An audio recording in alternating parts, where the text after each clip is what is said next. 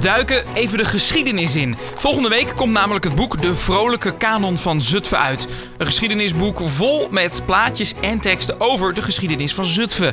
Aan de telefoon heb ik een van de makers, Dirk-Jan Rauwenhorst. Dirk-Jan, eh, wanneer dachten jullie er moet een boek over de geschiedenis van Zutphen komen? Nou ja, dat, dat idee is eigenlijk al ontstaan een paar jaar geleden toen we aan de slag waren voor, uh, voor uh, de scheurkalender, de, de enige echte Zutphense scheurkalender. Die we toen samen gemaakt met, uh, met mediabureau Lutim. Uh, en toen, ja, we zitten ook na te denken over rubrieken in die, uh, in die kalender. En één daarvan was uh, ja, iets, iets met een kanon te doen. En om een, een beetje te vermijden dat, dat, dat men zou zeggen, ja, de kanon is niet volledig, hebben we daar de vrolijke kanon van gemaakt. Dus dat, ja, dat, dat, daar is het eerste idee ontstaan. En eigenlijk eind vorig jaar kwam het idee naar boven, ja, we zouden daar ook wel een boek over kunnen maken. Het is dus een boek met, uh, met heel veel tekeningen. Um, is dat belangrijk voor jullie om het goed te kunnen uitleggen? Want anders wordt het natuurlijk zo'n lab tekst. Juist, juist. Ja, dit zijn korte teksten.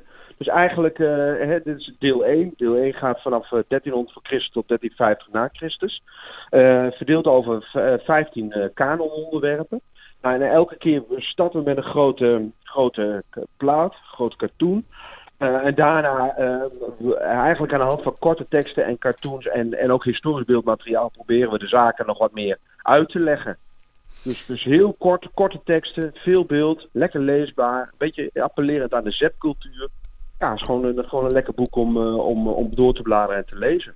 En je hebt hem niet alleen gemaakt, dat doe je samen met een, een vriend van je, toch?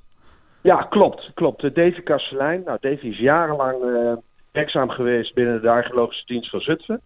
We kennen elkaar ook vanuit, uh, vanuit de opleiding. Allebei leraaropleiding geschiedenis gedaan. Hij, heeft, hij is daarna nog, door, uh, daarna nog doorgestudeerd. Ik ben er toen mee gestopt. Uh, ja, en, en dan, dan, hou je contact. En nou, hij heeft ook meegeholpen aan de scheurkalender. Nou, en, en ja, toen, toen het idee voor het boek kwam, was het logisch dat, dat hij dat ging schrijven. Ja. Is het ook voor de jeugd belangrijk dat zij op de hoogte zijn van de geschiedenis van de stad waar ze wonen en naar school gaan?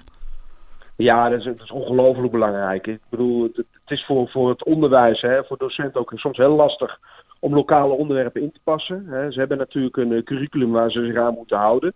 Uh, en, en, en, ja, dan moet dat echt, echt binnen dat curriculum passen. Uh, kijk, dus dat proberen we ook wel. Hè. We hebben binnenkort een boekpresentatie, daar zullen, we, daar zullen we het daar ook over hebben. Daarnaast is het zo dat, dat, dat je merkt dat ouders het toch heel belangrijk vinden om die lokale geschiedenis uh, te brengen. Nou, en die kunnen dit boek ook kopen. Hè, voor, voor, want het is, het is lekker leesbaar en nou, met, met de nodige grappen. Dat zou, toch, dat zou het raam moeten spreken. Wat vond je zelf een, een interessant verhaal, of het meest opvallende verhaal? Nou ja, zelf vind ik heel grappig dat de, het ontstaan van, van de Nieuwstad. Dat is echt een aparte stad. Direct naast Zutphen. Dat was zo'n zo, zo, zo graaf, ja, dat weet de, de, de, precieze data, dat weet Davy altijd beter. Maar het was in ieder geval een Otto.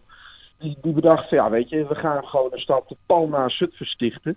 Dat, dat, dat leek hem wel, uh, wel zinvol. Ook omdat hij daar, uh, daar dan rechtstreeks zelf de inkomsten uit kon genereren. Dus het was ook echt een uh, centenkwestie. en later is dat natuurlijk samengevoegd. Maar, maar het feit dat je een, een stad sticht pal naast een bestaande stad, dat vond ik wel heel grappig.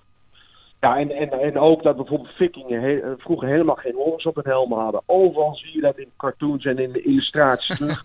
maar dat was helemaal niet zo, omdat het gewoon heel on, on, uh, onhandig was. Omdat die vikingen vochten schouder aan schouder. En er zijn ook nog allerlei horens of andere zaken op je helm zitten. Dat is gewoon helemaal niet, helemaal niet praktisch. Dus dat vond ik ook wel een, wel een grappig weetje. Waar zou dat beeld dan toch vandaan komen dat ze dat op hun helm hebben?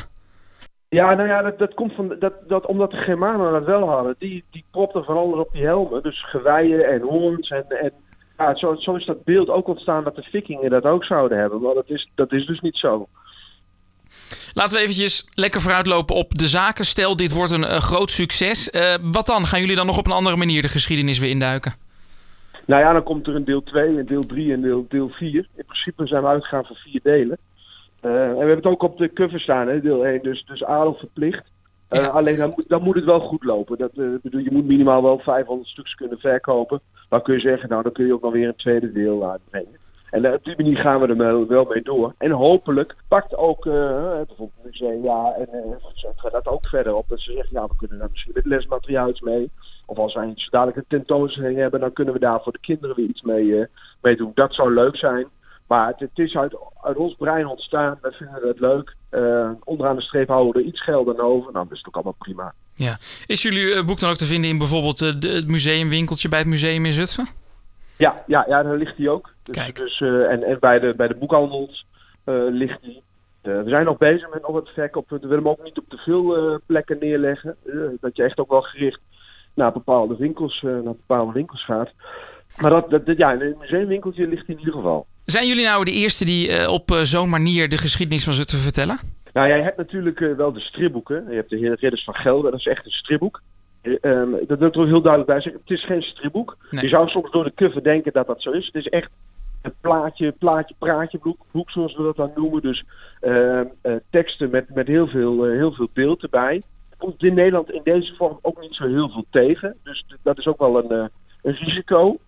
Um, um, maar, maar het is echt een praatje, plaatje boek. Ja. Ja, en waarschijnlijk willen sta wil straks elke stad het, dus dan moet je het overal gaan uitgeven.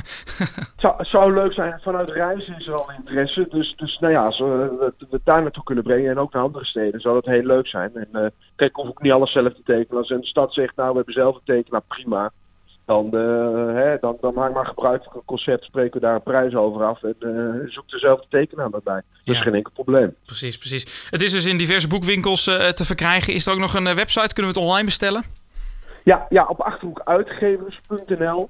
Dus, dus daar, daar, staat het, daar staat het ook op. Ja, en TCT, als dit loopt, dan komt er ook wel een aparte website hoor. De Vrolijke Kanon van Zutphen. Dat gaat echt wel, dat gaat er dan echt wel komen. Maar dat is dan, dan een vervolgtraject. Mocht je nou meer over de geschiedenis van Zutphen willen weten, luister dan ook naar mijn podcast Zutphen de Podcast. In de laatste aflevering van het eerste seizoen spreek ik met Dirk Jans compagnon Davy Kastelein. Dirk Jan, dankjewel voor je tijd en succes met de verkoop. Ja, dankjewel Jesse. Gaat helemaal goed komen. Bedankt.